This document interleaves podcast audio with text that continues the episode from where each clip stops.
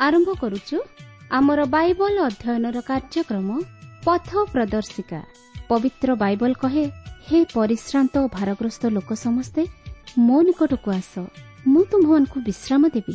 ଆସନ୍ତୁ ସେହି ଜୀବନଦାତାଙ୍କର ପରିଚୟ ପାଇ ଜୀବନରେ ବାସ୍ତବ ଶାନ୍ତି ଓ ମୁକ୍ତି ପାଇବା ନିମନ୍ତେ ଶୁଣିବା ବେତାର କାର୍ଯ୍ୟକ୍ରମ ପଥ ପ୍ରଦର୍ଶିକା।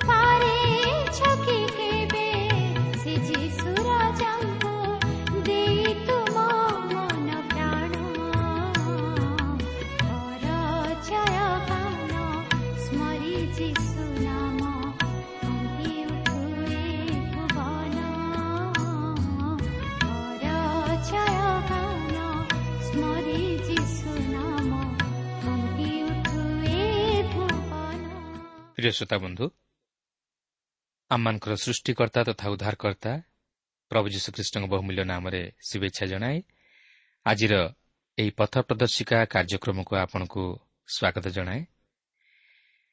ଆପଣ ଆପଣଙ୍କର ବହୁମୂଲ୍ୟ ସମୟ ଦେଇ ଆଜିର ଏହି କାର୍ଯ୍ୟକ୍ରମ ଶୁଣିବା ନିମନ୍ତେ ରେଡିଓ ପାଖରେ ଅପେକ୍ଷା କରି ବସିଥିବାର ଜାଣି ଆମେ ବିଶେଷ ଖୁସି। କେବଳ ସେତିକି ନୁହେଁ ଆପଣ ଥରକୁ ଥର ପତ୍ର ମାଧ୍ୟମରେ ଆମ ସହ ଯୋଗାଯୋଗ ରକ୍ଷା କରୁଥିବାରୁ ଆମେ ମଧ୍ୟ ବିଶେଷ ଆନନ୍ଦିତ। କିନ୍ତୁ ଆମର ଅନୁରୋଧ ଆପଣ ନିଜେ ଏହି କାର୍ଯ୍ୟକ୍ରମ ନିୟମିତ ଶୁଣିବା ସଙ୍ଗେ ସଙ୍ଗେ ଅନ୍ୟମାନଙ୍କୁ ଶୁଣାଇବାରେ ସାହାଯ୍ୟ କରନ୍ତୁ ଆଉ ସେମାନଙ୍କୁ ଆମ ସହ ପତ୍ର ମାଧ୍ୟମରେ ଯୋଗାଯୋଗ କରିବା ନିମନ୍ତେ ଉତ୍ସାହିତ କରନ୍ତୁ। ଆସନ୍ତୁ ତାହେଲେ ପ୍ରଭୁଙ୍କର ବାକ୍ୟ ମଧ୍ୟକୁ ଯିବା ପୂର୍ବରୁ ସଂକ୍ଷେପରେ ପ୍ରାର୍ଥନା କରିବା। ପବିତ୍ର ପ୍ରଭୁ ତୁମର ପବିତ୍ର ନାମର ଧନ୍ୟବାଦ କରୁଅଛି ସୁନ୍ଦର ସମୟ ପାଇଁ ତୁମର ଜୀବନ୍ତ ବାକ୍ୟ ପାଇଁ ତୁମର ଆଶୀର୍ବାଦ ପାଇଁ ତୁମର ଅନୁଗ୍ରହ ପାଇଁ। ହଁ ପ୍ରଭୁ ତୁମେ ଆଜି ମଧ୍ୟ ଆମମାନଙ୍କୁ ଉଦ୍ଧାର କରିବା ପାଇଁ ଅପେକ୍ଷା କରି ବସିଅଛ। କିନ୍ତୁ ପ୍ରଭୁ ତୁମେ ଆମମାନଙ୍କୁ ଏକ ପ୍ରସ୍ତୁତିର ହୃଦୟ ଦିଅ ଏକ ସରଳ ବିଶ୍ୱାସର ହୃଦୟ ଦିଅ ଏବଂ ପ୍ରଭୁ ତୁମର ସେ ବାକ୍ୟକୁ ହୃଦୟ ମଧ୍ୟରେ ଗ୍ରହଣ କରି ତଦନୁଯାୟୀ ଜୀବନଯାପନ କରି ତୁମକୁ ଉଦ୍ଧାରକର୍ତ୍ତା ରୂପେ ଗ୍ରହଣ କରି ପାପରୁ ଉଦ୍ଧାର ପାଇ ଅନନ୍ତ ଜୀବନର ଅଧିକାରୀ ହେବା ନିମନ୍ତେ ପ୍ରଭୁ ତୁମେ ଆମ ପ୍ରତ୍ୟେକଙ୍କୁ ସାହାଯ୍ୟ କର।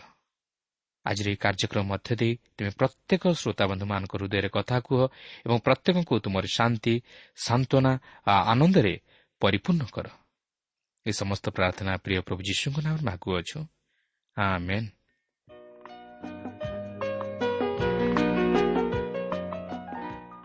ଆସନ୍ତୁ ବର୍ତ୍ତମାନ ଆମେ ପ୍ରଭୁଙ୍କର ବାକ୍ୟ ମଧ୍ୟକୁ ଯିବା। ଆଜି ଆମେ ଋତ ପୁସ୍ତକ ପ୍ରଥମ ପର୍ବର ଅଠର ପଦରୁ ଆରମ୍ଭ କରି ଦୁଇ ପର୍ବର ତିନି ପଦ ପର୍ଯ୍ୟନ୍ତ ଅଧ୍ୟୟନ କରିବା ନିମନ୍ତେ ଯିବା। ମୋର ବିଶ୍ୱାସ ଆଜି ମଧ୍ୟ ଆମେ ଏହି ଋତର ବିବରଣ ପୁସ୍ତକ ମଧ୍ୟରୁ ଅନେକ କିଛି ଆଧ୍ୟାତ୍ମିକ ଜ୍ଞାନ ଆହରଣ କରିପାରିବା। ତେବେ ଆପଣଙ୍କର ମନେଥିବ ଯେ ଗତ ଆଲୋଚନାରେ ଆମେ ଦେଖିଥିଲୁ ନୟମୀର ଦୁଇ ପୁତ୍ରଙ୍କର ମୃତ୍ୟୁ ହେବା ପରେ ନୟମୀ ସେହି ମୟାବ ଦେଶ ପରିତ୍ୟାଗ କରି ପୁନର୍ବାର ବୈଥଲେମକୁ ଫେରିଆସିବା ନିମନ୍ତେ ମନରେ ସ୍ଥିର କରି ତାହାର ଦୁଇ ପୁତ୍ରବଧଙ୍କୁ ସେମାନଙ୍କର ମାତାର ଗୃହକୁ ଫେରିଯିବା ପାଇଁ କହିଲା। କାରଣ ସେ ନିଜର ସ୍ୱାମୀକୁ ହରାଇବା ସଙ୍ଗେ ସଙ୍ଗେ ଦୁଇ ପୁତ୍ରଙ୍କୁ ମଧ୍ୟ ହରାଇଲା। କିନ୍ତୁ ମୟାବୀୟମାନଙ୍କ ସହିତ ଇସ୍ରାଏଲୀମାନଙ୍କର ଉତ୍ତମ ସଦ୍ଭାବ ନଥିବାରୁ ସେ ସେହି ଦୁଇ ପୁତ୍ର ବଧୂଙ୍କୁ ବୈଥଲେମ୍କୁ ନେଇଯିବା ପାଇଁ ଇଚ୍ଛା କଲା ନାହିଁ। ତେଣୁ ସେ ସେମାନଙ୍କୁ ସେହି ମୟାବ ଦେଶରେ ରହିଯିବା ପାଇଁ କହିଲା। କାରଣ ସେମାନେ ସେହି ବେଥଲିମ୍କୁ ଯିବା ଦ୍ୱାରା ଯେ ଅଧିକ ସମସ୍ୟାର ସମ୍ମୁଖୀନ ହେବେ ତାହା ସେ ଜାଣିପାରିଥିଲା। ତେଣୁ ସେ ସେମାନଙ୍କୁ ତାହା ସହିତ ସେହି ବେଥଲିମ୍କୁ ଯିବା ନିମନ୍ତେ ଅନୁମତି ଦେଲା ନାହିଁ। ମାତ୍ର ଆମେ ଦେଖୁ ଅର୍ପା ନିଜର ଶାଶୁ ନୟମିକି ଚୁମନ କରି ନିଜର ସ୍ଥାନକୁ ଫେରିଗଲା। ମାତ୍ର ଋତ କିନ୍ତୁ ଫେରିଗଲା ନାହିଁ। କିନ୍ତୁ ସେ ନୟମୀ ସହିତ ସେହି ବୈଥଲିୟମ୍କୁ ଯିବା ନିମନ୍ତେ ଏକ ଦୃଢ଼ ନିଷ୍ପତ୍ତି ନେଲା। କିନ୍ତୁ ଏହାପରେ କ'ଣ ଘଟିଲା ଆସନ୍ତୁ ବର୍ତ୍ତମାନ ଲକ୍ଷ୍ୟ କରିବା। ପ୍ରଥମ ପର୍ବର ଅଠର ପଦରେ ଲେଖା ଅଛି ଏହି ରୂପେ ତାହା ସହିତ ଯିବା ପାଇଁ ଋତ ଦୃଢ଼ ମନସ୍ଥ ଅଟେ। ଏହା ଦେଖି ସେ ତାହାକୁ କଥା କହିବାରୁ କ୍ଷାନ୍ତ ହେଲା। ନୟମୀ ଜାଣିପାରିଲା ଯେ ଋତର ନିଷ୍ପତ୍ତି ବାସ୍ତବ ନିଷ୍ପତ୍ତି ଓ ସେ ନିଶ୍ଚିତ ତାହା ସହିତ ବେଥଲିମକୁ ଯିବା ନିମନ୍ତେ ଦୃଢ଼ ପରିକର। ତେଣୁ ସେ ଋତକୁ ଆଉ କିଛି କହିଲେ ନାହିଁ। ଉଣେଇଶ ପଦରେ ଆମେ ଦେଖୁ ଯେ ସେମାନେ ବୈଥଲିମକୁ ଫେରିଆସିଛନ୍ତି ସେମାନେ ଗୃହକୁ ଅର୍ଥାତ୍ ନିଜର ବାସସ୍ଥାନକୁ ଫେରିଆସିଛନ୍ତି କିନ୍ତୁ ସେମାନେ ଆଉ ପରିବାର ସହିତ ଫେରି ଆସିପାରି ନାହାନ୍ତି ସେମାନେ ଆଉ ପରିବାର ହୋଇ ରହିନାହାନ୍ତି କେବଳ ନୟମୀ ଓ ଋତ ସେହି ନଗରର ଲୋକେ ନୟମୀକୁ ଦେଖି କଥାବାର୍ତ୍ତା ହେଉଛନ୍ତି ଏ କି ନୟମୀ? ତେବେ ନୟମୀ ଏହିପରି ସେମାନଙ୍କୁ ଉତ୍ତର ଦେଉଛି ଯାହାକି କୋଡ଼ିଏ ଓ ଏକୋଇଶ ପଦରେ ଲେଖା ଅଛି। ତେଣୁ ସେ ସେମାନଙ୍କୁ କହିଲା ମୋତେ ନୟମୀ ମଧୁର ବୋଲି ନ ଡାକ। ପୁଣି ମାରା ତିକ୍ତ ବୋଲି ଡାକ। ଯେହେତୁ ସର୍ବଶକ୍ତିମାନ ମୋ ପ୍ରତି ଅତି ତିକ୍ତ ବ୍ୟବହାର କରିଅଛନ୍ତି। ମୁଁ ପରିପୂର୍ଣ୍ଣ ହୋଇ ଯାତ୍ରା କରିଥିଲି ମାତ୍ର ସଦାପ୍ରଭୁ ମୋତେ ଶୂନ୍ୟ କରି ଫେରାଇ ଆଣିଅଛନ୍ତି। ସଦାପ୍ରଭୁ ଯେବେ ମୋ ପ୍ରତିକୂଳରେ ପ୍ରମାଣ ଦେଉଅଛନ୍ତି ଓ ସର୍ବଶକ୍ତିମାନ ଯେବେ ମୋତେ ଦୁଃଖ ଦେଇଅଛନ୍ତି ତେବେ ମୋତେ ନୟମ ବୋଲି କାହିଁକି ଡାକୁଅଛ? ତେବେ ପୂର୍ଣ୍ଣ ଓ ଶୂନ୍ୟ ମଧ୍ୟରେ ଯଥେଷ୍ଟ ପାର୍ଥକ୍ୟ ଅଛି। ପୂର୍ଣ୍ଣ ଅର୍ଥ ସବୁକିଛି ମାତ୍ର ଶୂନ୍ୟ ଅର୍ଥ କିଛି ନାହିଁ। ନୟମୀ ମୟାବ ଦେଶକୁ ଯାତ୍ରା କରିବା ସମୟରେ ପୂର୍ଣ୍ଣ ହସ୍ତରେ ଯାତ୍ରା କରିଥିଲା ମାତ୍ର ସେ ମୟାବ ଦେଶରୁ ଫେରିଆସିବା ବେଳେ ଶୂନ୍ୟ ହସ୍ତରେ ଫେରିଲା। ଅର୍ଥାତ୍ ତାହା ପାଖରେ ଆଉ କିଛି ନଥିଲା। ତାହାର ହସ୍ତ ଶୂନ୍ୟ ଥିଲା।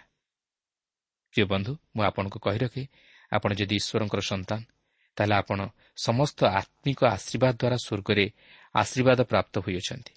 ଓ ଖ୍ରୀଷ୍ଟଙ୍କଠାରେ ଆପଣ ସମସ୍ତ କିଛି ପ୍ରାପ୍ତ ହୋଇଅଛନ୍ତି। କିନ୍ତୁ ଆପଣ ଯଦି ତାହାଙ୍କଠାରୁ ଦୂରବର୍ତ୍ତୀ ଜୀବନଯାପନ କରନ୍ତି ତାହେଲେ ଆପଣ ସେହି ସହଭାଗିତାରୁ ବଞ୍ଚିତ ହେବା ସଙ୍ଗେ ସଙ୍ଗେ ସମସ୍ତ ଆତ୍ମିକ ଆଶୀର୍ବାଦରୁ ବଞ୍ଚିତ ହେବେ। ଆପଣ ସମସ୍ୟାର ସମ୍ମୁଖୀନ ହେବେ। ଆପଣଙ୍କ ଜୀବନରେ ଦୁଃଖ ବିଫଳତା ଏହି ସମସ୍ତ ଲାଗି ରହିବ ଓ ଆପଣଙ୍କୁ ପୁନର୍ବାର ଶୂନ୍ୟ ହସ୍ତରେ ଫେରିଆସିବାକୁ ହେବ। ଆପଣଙ୍କୁ ଅନୁତପ୍ତ ହୃଦୟରେ ଫେରିଆସିବାକୁ ହେବ। କିନ୍ତୁ ପ୍ରଭୁଙ୍କ ନାମର ଧନ୍ୟବାଦ ହେଉ ଯେ ଯେତେବେଳେ ଆପଣ ସେହିପରି ତାହାଙ୍କ ନିକଟକୁ ଫେରିଆସିବେ ଯେପରିକି ସେହି ଅପବୟୀ ପୁତ୍ର ତାହାର ପିତାଙ୍କ ନିକଟକୁ ଫେରିଆସିଲା ତାହେଲେ ଆପଣ ପିତା ଈଶ୍ୱରଙ୍କର ପ୍ରେମକୁ ବାସ୍ତବରେ ବୁଝିପାରିବେ।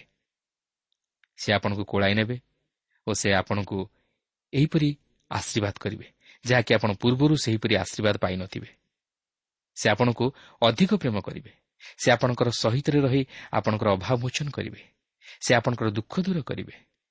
ସେଦିନ ସେହି ଅପବୟୀ ପୁତ୍ର ତାହାର ପିତାଙ୍କ ନିକଟକୁ ଅନୁତପ୍ତ ହୃଦୟରେ ଫେରିଆସିବା ଦ୍ୱାରା ଯେପରି ତାହାର ପିତା ତାହା ନିମନ୍ତେ ଆନନ୍ଦ କରି ତାହାକୁ ପୁନର୍ବାର ପୁତ୍ରତ୍ୱର ଅଧିକାର ଦେଲେ ସେହିପରି ଆମେ ଯଦି ଅନୁତପ୍ତ ହୃଦୟର ସହିତ ପ୍ରଭୁ ଯୀଶୁଙ୍କ ନିକଟକୁ ଫେରିଆସୁ ତାହେଲେ ସେ ଆମକୁ ସାଦରେ ଗ୍ରହଣ କରି ଆମମାନଙ୍କୁ ଈଶ୍ୱରଙ୍କ ସନ୍ତାନ ହେବାର ଅଧିକାର ଦେବେ। ଯଦିଓ ନୟମୀ ଶୂନ୍ୟ ହସ୍ତରେ ଫେରିଆସିଥିଲା ମାତ୍ର ସଦାପ୍ରଭୁ ତାହାର ହସ୍ତକୁ ପୂର୍ଣ୍ଣ କଲେ ଓ ତାହାର ମନସ୍କାମନା ପୂର୍ଣ୍ଣ ହେଲା। ଯଦିଓ ସେହି ସମସ୍ତ ଅନୁଭୂତି ତାହା ନିମନ୍ତେ ଅତି ଦୁଃଖଦାୟକ ଥିଲା ମାତ୍ର ସେ ଯେତେବେଳେ ପିତା ଈଶ୍ୱରଙ୍କ ନିକଟକୁ ଫେରିଆସିଲା ସେତେବେଳେ ତାହାର ଦୁଃଖ ସୁଖରେ ଓ ତାହାର କ୍ରନ୍ଦନ ଆନନ୍ଦର ଜୟଧ୍ୱନିରେ ପରିଣତ ହେଲା। ବାଇଶ ପଦରେ ଲେଖା ଅଛି ଏହି ରୂପେ ନୟମୀ ଓ ମୟାବ ଦେଶରୁ ଆଗତା ତାହାର ପୁତ୍ରବଧୂ ସେହି ମୟାବଦେଶିଆ ଋତ ଫେରିଆସିଲେ ସେମାନେ ଜବ ଶସ୍ୟଛେଦନର ଆରମ୍ଭ ସମୟରେ ବୈଥଲିୟମ୍ରେ ଉପସ୍ଥିତ ହେଲେ। ଏହା ଥିଲା ଏକ ସୁନ୍ଦର ସମୟ। ଏହା ଜବ ଶସ୍ୟଛେଦନର ଆରମ୍ଭ ସମୟ ଥିଲା। ତେଣୁକରି ନୟମୀ ଓ ତାହାର ପୁତ୍ରବଧୂ ନିମନ୍ତେ ଏହା ଉପଯୁକ୍ତ ସମୟ ଥିଲା ଯେପରି ସେମାନେ ସେମାନଙ୍କର ଭରଣ ପୋଷଣ ନିମନ୍ତେ ଆହାର ପାଇପାରନ୍ତି। ଆଉ ବର୍ତ୍ତମାନ ସେମାନେ ସେହି ମୟାବ ଦେଶକୁ ପରିତ୍ୟାଗ କରି ବୈଥଲେହମରେ ଆସି ପହଞ୍ଚି ଯାଇଛନ୍ତି। ଏହାର ପରବର୍ତ୍ତୀ ଅଧ୍ୟାୟରେ ଆମେ ସେହି ବୈଥଲେହମର ନିକଟରେ ବୟଜର କ୍ଷେତ୍ରରେ ଏକ ଚମତ୍କାର ଘଟଣା ଘଟିବାର ଲକ୍ଷ୍ୟ କରିବାକୁ ଯିବା ଯାହାକି ଏହି ଋତୁର ବିବରଣ ପୁସ୍ତକ ଲେଖାଯିବାର ମୁଖ୍ୟ ଉଦ୍ଦେଶ୍ୟକୁ ପ୍ରକାଶ କରେ। ତେବେ ଏହିଠାରେ ଆମେ ପ୍ରଥମ ପର୍ବଟି ଅଧ୍ୟୟନ କରି ସମାପ୍ତ କଲୁ। ଆସନ୍ତୁ ଏହାପରେ ଦୁଇ ପର୍ବ ମଧ୍ୟକୁ ଯିବା। ଏହି ଦୁଇ ପର୍ବରେ ଯେଉଁ ସମସ୍ତ ଘଟଣା ବର୍ଣ୍ଣିତ ହୋଇଅଛି ସେହିସବୁ ଘଟଣା ସେହି ବୟଜର କ୍ଷେତ୍ରରେ ଘଟିଥିଲା। ଆସନ୍ତୁ ବର୍ତ୍ତମାନ ସେହି ବୟଜର କ୍ଷେତ୍ର ଆଡ଼କୁ ଆମର ଚିନ୍ତାଧାରାକୁ ନେଇଯିବା। ଦୁଇ ପର୍ବର ପ୍ରଥମ ପଦରେ ଲେଖା ଅଛି ନୟମୀର ସ୍ୱାମୀ ଏଲିମେଲକ୍ ବଂଶୀୟ ବୟଜ ନାମରେ ଏକ ଜଣ ମହାବିକ୍ରମଶାଳୀ ଜ୍ଞାନ୍ତି ଥିଲା। ଏହି ଅଂଶରେ ଆମେ ଆଉ ଜଣେ ବ୍ୟକ୍ତିଙ୍କର ପରିଚୟ ପାଉଅଛୁ ସେ ହେଉଛନ୍ତି ବୟଜ। ସେ ହେଉଛନ୍ତି ଏହି କାହାଣୀର ମୁଖ୍ୟ ନାୟକ ବା ଆମେ କହିପାରିବା ହିରୋ। ସେ ସେହି ମୁକ୍ତିକର୍ତ୍ତା ଜ୍ଞାତି ହିସାବରେ ଆମମାନଙ୍କ ନିକଟରେ ପରିଚିତ ହେବାକୁ ଯାଉଅଛନ୍ତି ଏପରିକି ସେହି ଋତ ନିକଟରେ ପରିଚିତ ହେବାକୁ ଯାଉଅଛନ୍ତି। ବର୍ତ୍ତମାନ ଏଠାରେ ତାହାଙ୍କୁ ନୟମୀ ସ୍ୱାମୀର ଜ୍ଞାତି ହିସାବରେ ପରିଚିତ କରାଇ ଦିଆଯାଇଅଛି। ତାହା ହିଁ ଏଠାରେ ଲକ୍ଷ୍ୟ କରିବା ହେଉଛି ସବୁଠାରୁ ଗୁରୁତ୍ୱପୂର୍ଣ୍ଣ ବିଷୟ। କାରଣ ଏହାପରେ ସେ ମୁକ୍ତିକର୍ତ୍ତା ଜ୍ଞାତି ହିସାବରେ ପରିଚିତ ହେବାକୁ ଯାଉଅଛନ୍ତି ଓ ସେ ମଧ୍ୟ ପ୍ରଭୁ ଯୀଶୁଖ୍ରୀଷ୍ଟଙ୍କର ନିଦର୍ଶନ ସ୍ୱରୂପ। କାରଣ ଆପଣଙ୍କ ନିମନ୍ତେ ଓ ମୋ ନିମନ୍ତେ ଜଣେ ମୁକ୍ତିକର୍ତ୍ତା ଜ୍ଞାତି ଅଛନ୍ତି ଆଉ ସେ ହେଉଛନ୍ତି ପ୍ରଭୁ ଯୀଶୁଖ୍ରୀଷ୍ଟ ଯିଏକି ଆମମାନଙ୍କୁ ପାପରୁ ଉଦ୍ଧାର କରିବା ନିମନ୍ତେ ତାହାଙ୍କର ସେହି ପବିତ୍ର ରକ୍ତ ମୂଲ୍ୟ ସ୍ୱରୂପ ଦେଇ ଆମମାନଙ୍କର ପାପ ଋଣ ପରିଶୋଧ କଲେ। ଆମମାନେ ଯେତେବେଳେ ନିରୁପାୟ ଥିଲୁ ସେ ଆମ୍ଭମାନଙ୍କ ନିମନ୍ତେ ଉପାୟ ସ୍ୱରୂପ ହେଲେ। ସେ ଆମମାନଙ୍କ ପରି ଜଣେ ମଣିଷ ପରି ମଣିଷ ହେଲେ। ତଥାପି ସେ ପାପ ଶୂନ୍ୟ ଥିଲେ। ସେ ନିଷ୍ପାପ ସ୍ୱରୂପ ଥିଲେ। ସେଥିପାଇଁ ଏବ୍ରି ସାତ ପର୍ବର ଛବିଶ ପଦରେ ଲେଖା ଅଛି କାରଣ ଏହି ପ୍ରକାର ମହାଜାଜକ ଆମମାନଙ୍କ ପକ୍ଷରେ ଉପଯୁକ୍ତ ଯିଏକି ପବିତ୍ର ନିର୍ଦ୍ଦୋଷ ନିଷ୍କଳଙ୍କ ପାପୀମାନଙ୍କଠାରୁ ପୃଥକୀକୃତ ପୁଣି ଆକାଶମଣ୍ଡଳ ଉପରେ ଉଚ୍ଚୀକୃତ। ଆଉ ସେହି ପ୍ରଭୁ ଯୀଶୁ ହିଁ ଆମମାନଙ୍କର ଏକମାତ୍ର ଉଦ୍ଧାରକର୍ତ୍ତା ଈଶ୍ୱର। ସେ ହେଉଛନ୍ତି ଆମମାନଙ୍କର ମୁକ୍ତିକର୍ତ୍ତା ଜ୍ଞାନ୍ତି ବୟୋଜ ନାମର ଅର୍ଥ ବଳ। ସେ ଅତି ଧନଶାଳୀ ଥିଲେ। ଆପଣ ତାହାଙ୍କୁ ଶକ୍ତିଶାଳୀ ଯୋଦ୍ଧା ବୋଲି ମଧ୍ୟ କହିପାରିବେ ଓ ବ୍ୟବସ୍ଥାର ଯୋଦ୍ଧା ବୋଲି ମଧ୍ୟ କହିପାରିବେ। ତେବେ ସେ ନୟମୀର ସ୍ୱାମୀ ଏଲିମେଲକ ବଂଶଜ ଥିଲେ। ଏହାପରେ ଦୁଇ ପର୍ବର ଦୁଇ ପଦରେ ଲେଖା ଅଛି ତହୁଁ ମୟାବଦେଶିଆ ଋତ ନୟମୀକି କହିଲା ମୋତେ କ୍ଷେତ୍ରକୁ ଯିବାକୁ ଦିଅ। ମୁଁ ଯାହାର ଦୃଷ୍ଟିରେ ଅନୁଗ୍ରହ ପାଇବି ତାହାର ପଶ୍ଚାତ୍ ପଶ୍ଚାତ୍ ଶସ୍ୟ ସିଂସା ସାଉଁଟିବି। ତହିଁରେ ସେ ତାହାକୁ କହିଲା ଆଗ ଆମ୍ଭର କନ୍ୟା ଯାଅ। ବର୍ତ୍ତମାନ ଆପଣ ନୟାମୀ ପରିବାରର ଆର୍ଥିକ ପରିସ୍ଥିତି ସମ୍ପର୍କରେ ଭଲ ଭାବେ ଅବଗତ ହୋଇପାରୁଥିବେ। ସେମାନଙ୍କର ଆର୍ଥିକ ପରିସ୍ଥିତି ସ୍ୱଚ୍ଛଳ ନଥିଲା। ତେଣୁ ନୟମୀର ପୁତ୍ରବଧୂ ଋତ ସିଂସା ସାଉଁଟିବାକୁ ଯିବା ନିମନ୍ତେ ଆପଣ ଶାଶୁଠାରୁ ଅନୁମତି ମାଗୁଅଛି। କିନ୍ତୁ ଏଠାରେ ଏକ ଅଦ୍ଭୁତ ବ୍ୟବସ୍ଥା ଆମମାନଙ୍କର ଦୃଷ୍ଟିଗୋଚର ହୁଏ ଯାହାକି ସେହି ସମୟରେ ଇସ୍ରାଏଲ୍ ମଧ୍ୟରେ ପ୍ରଚଳିତ ଥିଲା। କିନ୍ତୁ ବର୍ତ୍ତମାନ ସେପରି ବ୍ୟବସ୍ଥା ଆମମାନଙ୍କର ସମ୍ବିଧାନର ନୀତି ନିୟମରେ ପ୍ରଚଳିତ ହୁଏ ନାହିଁ କିନ୍ତୁ କ୍ଷେତ୍ରରେ ପରିତ୍ୟକ୍ତ ସିଂସା ସାଉଁଟିବା ନେଇ ବା କ୍ଷେତ୍ରରେ ଶସ୍ୟ ସଂଗ୍ରହ କରିବା ନେଇ ମୋଷାଙ୍କ ବ୍ୟବସ୍ଥାରେ ଏକ ନିୟମ ପ୍ରଦତ୍ତ ହୋଇଥିବାର ଆମେ ଲକ୍ଷ୍ୟ କରୁ। କାରଣ ଈଶ୍ୱର ଏହିପରି ଭାବରେ ଦରିଦ୍ରମାନଙ୍କର ଯତ୍ନ ନେବା ନିମନ୍ତେ ଏହିପରି ବିଧି ନିରୂପଣ କରିଥିଲେ। ତେଣୁକରି ନୟମୀ ଓ ଋତ ଗରିବ ଥିବାରୁ ସେମାନେ ସେହିପରି କରିବା ନିମନ୍ତେ ବାଧ୍ୟ ହୋଇଥିଲେ। ତେବେ ବ୍ୟବସ୍ଥାଟି ଆମେ ଲେବିୟ ପୁସ୍ତକ ଉଣେଇଶ ପର୍ବର ନଅ ଓ ଦଶ ପଦରେ ଲକ୍ଷ୍ୟ କରିସାରିଛୁ ଆପଣ ଦେଖନ୍ତୁ ଈଶ୍ୱର ତାଙ୍କର ଲୋକମାନଙ୍କୁ ଏହିପରି କରିବା ନିମନ୍ତେ କହିଥିଲେ ଯେପରି ସେମାନେ ଦରିଦ୍ର ଲୋକମାନଙ୍କର ଯତ୍ନ ନେଇପାରନ୍ତି ଓ ସେମାନେ ଯେପରି ବଞ୍ଚିପାରନ୍ତି। କିନ୍ତୁ ସେହି ଦରିଦ୍ର ଲୋକମାନେ କ୍ଷେତ୍ରକୁ ଯାଇ ସେହିସବୁ ହିଂସା ସାଉଁଟିବାକୁ ଥିଲା। କିନ୍ତୁ ସେହି ବ୍ୟବସ୍ଥା ସିଧାସଳଖ କ୍ଷେତ୍ରର କର୍ତ୍ତାଙ୍କ ନିମନ୍ତେ ପ୍ରଦତ୍ତ ହୋଇଥିଲା। ଏଥିସହିତ ଲେବିଓ ତେଇଶ ପର୍ବର ବାଇଶ ପଦରେ ମଧ୍ୟ ପୁନର୍ବାର ଏହି ବ୍ୟବସ୍ଥା ପ୍ରଦତ୍ତ ହୋଇଥିବାର ଆମେ ଲକ୍ଷ୍ୟ କରୁ ଏବଂ ଶେଷରେ ଦ୍ୱିତୀୟ ବିବରଣ ଚବିଶ ପର୍ବର ଉଣେଇଶ ପଦରେ ଏହିପରି ଲେଖା ଥିବାର ଆମେ ଲକ୍ଷ୍ୟ କରୁ। ତୁମ୍ଭେ ଆପଣା କ୍ଷେତ୍ରରେ ଶସ୍ୟ କାଟିବା ବେଳେ ଗୋଟିଏ ବିଡ଼ା କ୍ଷେତ୍ରରେ ପାଶୁରି ଆସିଲେ ତାହା ଆଣିବା ପାଇଁ ଫେରିଯିବ ନାହିଁ। ତାହା ବିଦେଶୀର ପିତୃହୀନର ଓ ବିଧବାର ହେବ। ତେବେ ସଦାପ୍ରଭୁ ତୁମ ପରମେଶ୍ୱର ତୁମ ହସ୍ତକୃତ ସମସ୍ତ କର୍ମରେ ତୁମକୁ ଆଶୀର୍ବାଦ କରିବେ।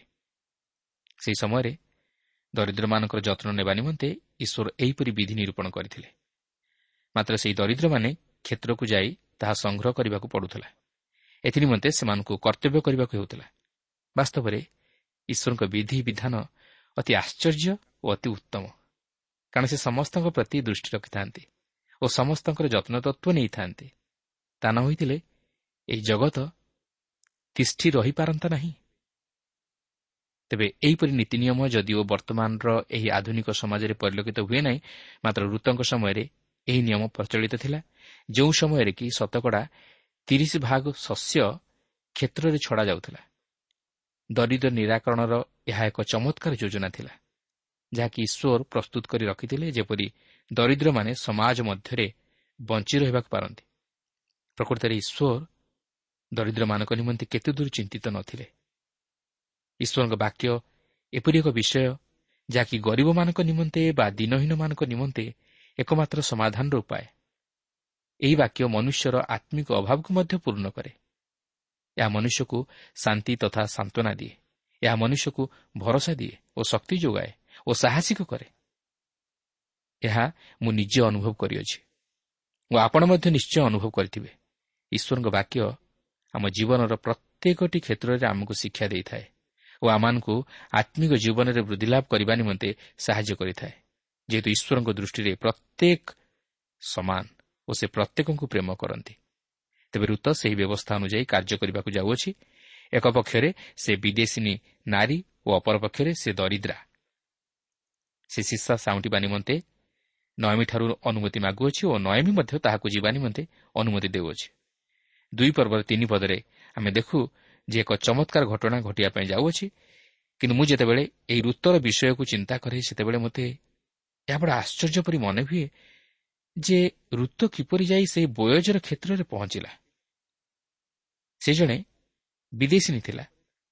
ସେହି ସ୍ଥାନ ଉପରେ ତାହାର ବିଶେଷ କିଛି ଧାରଣା ନଥିଲା।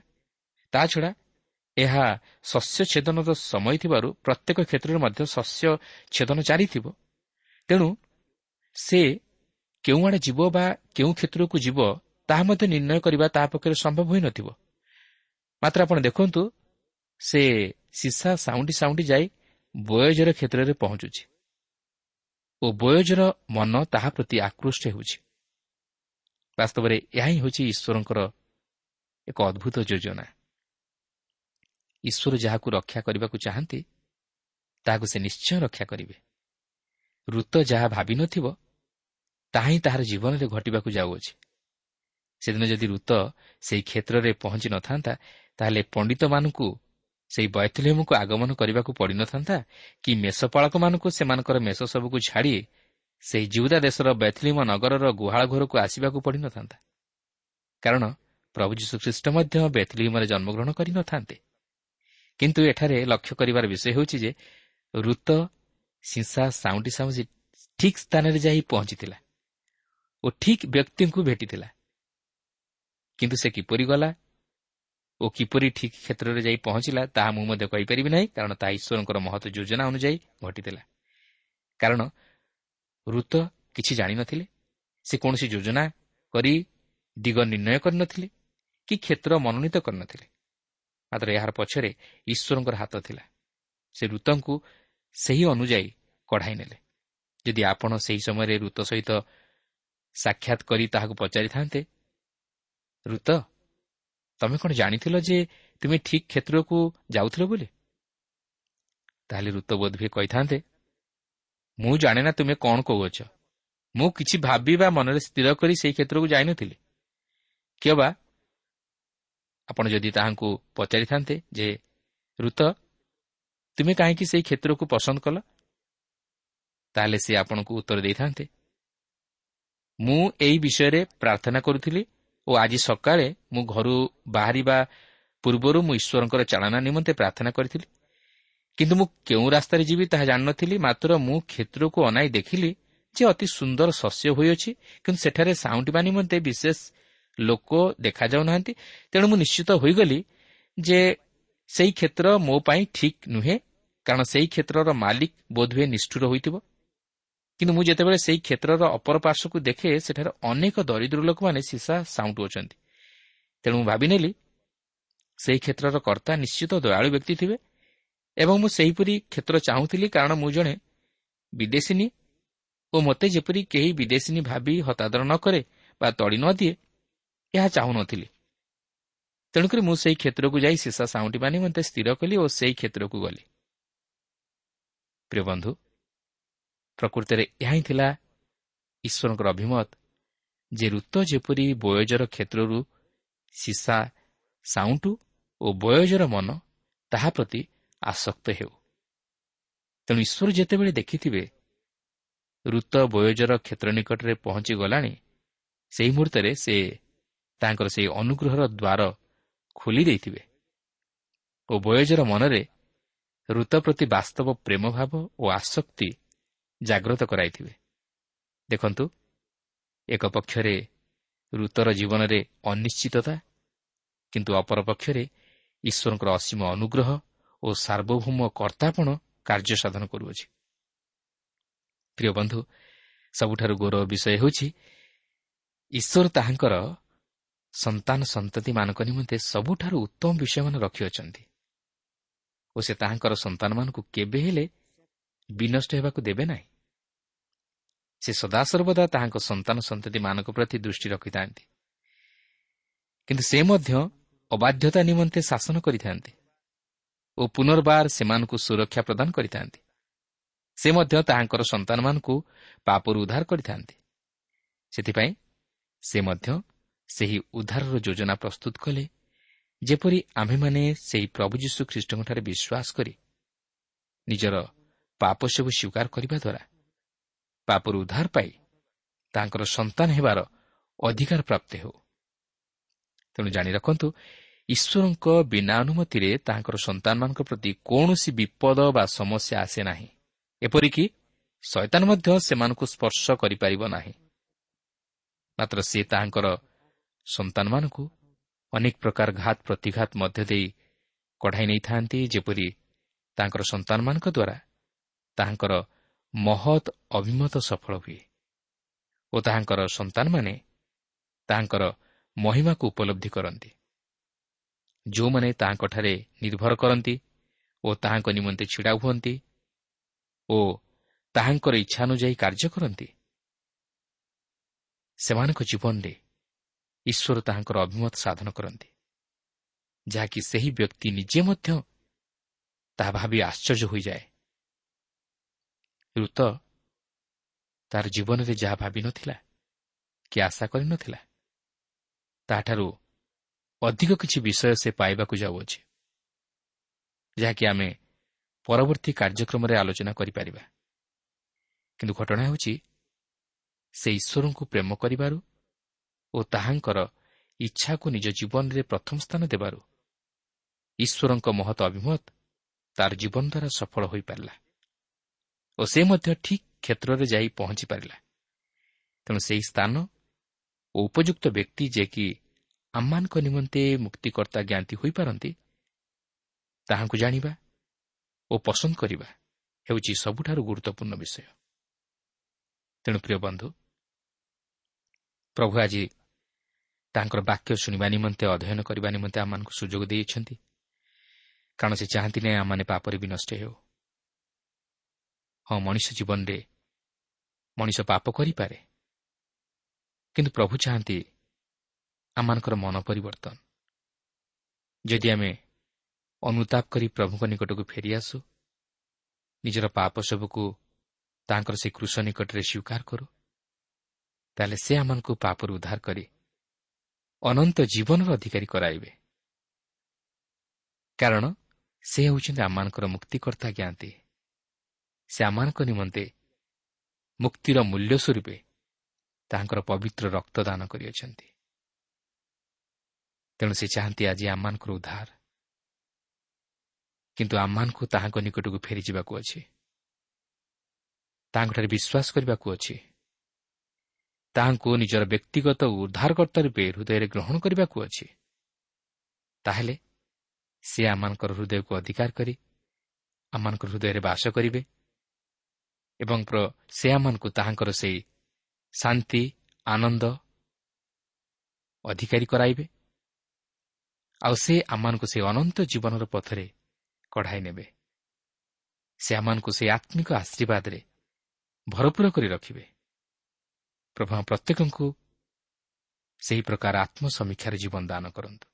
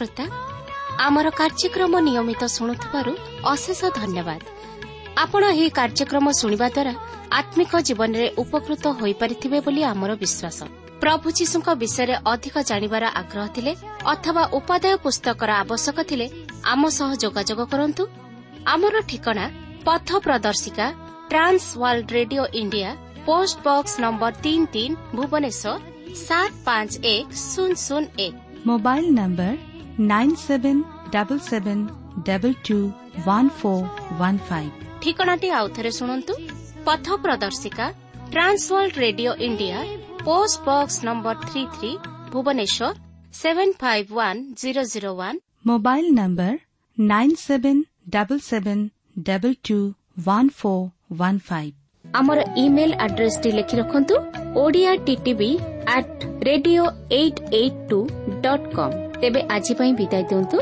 ନମସ୍କାର।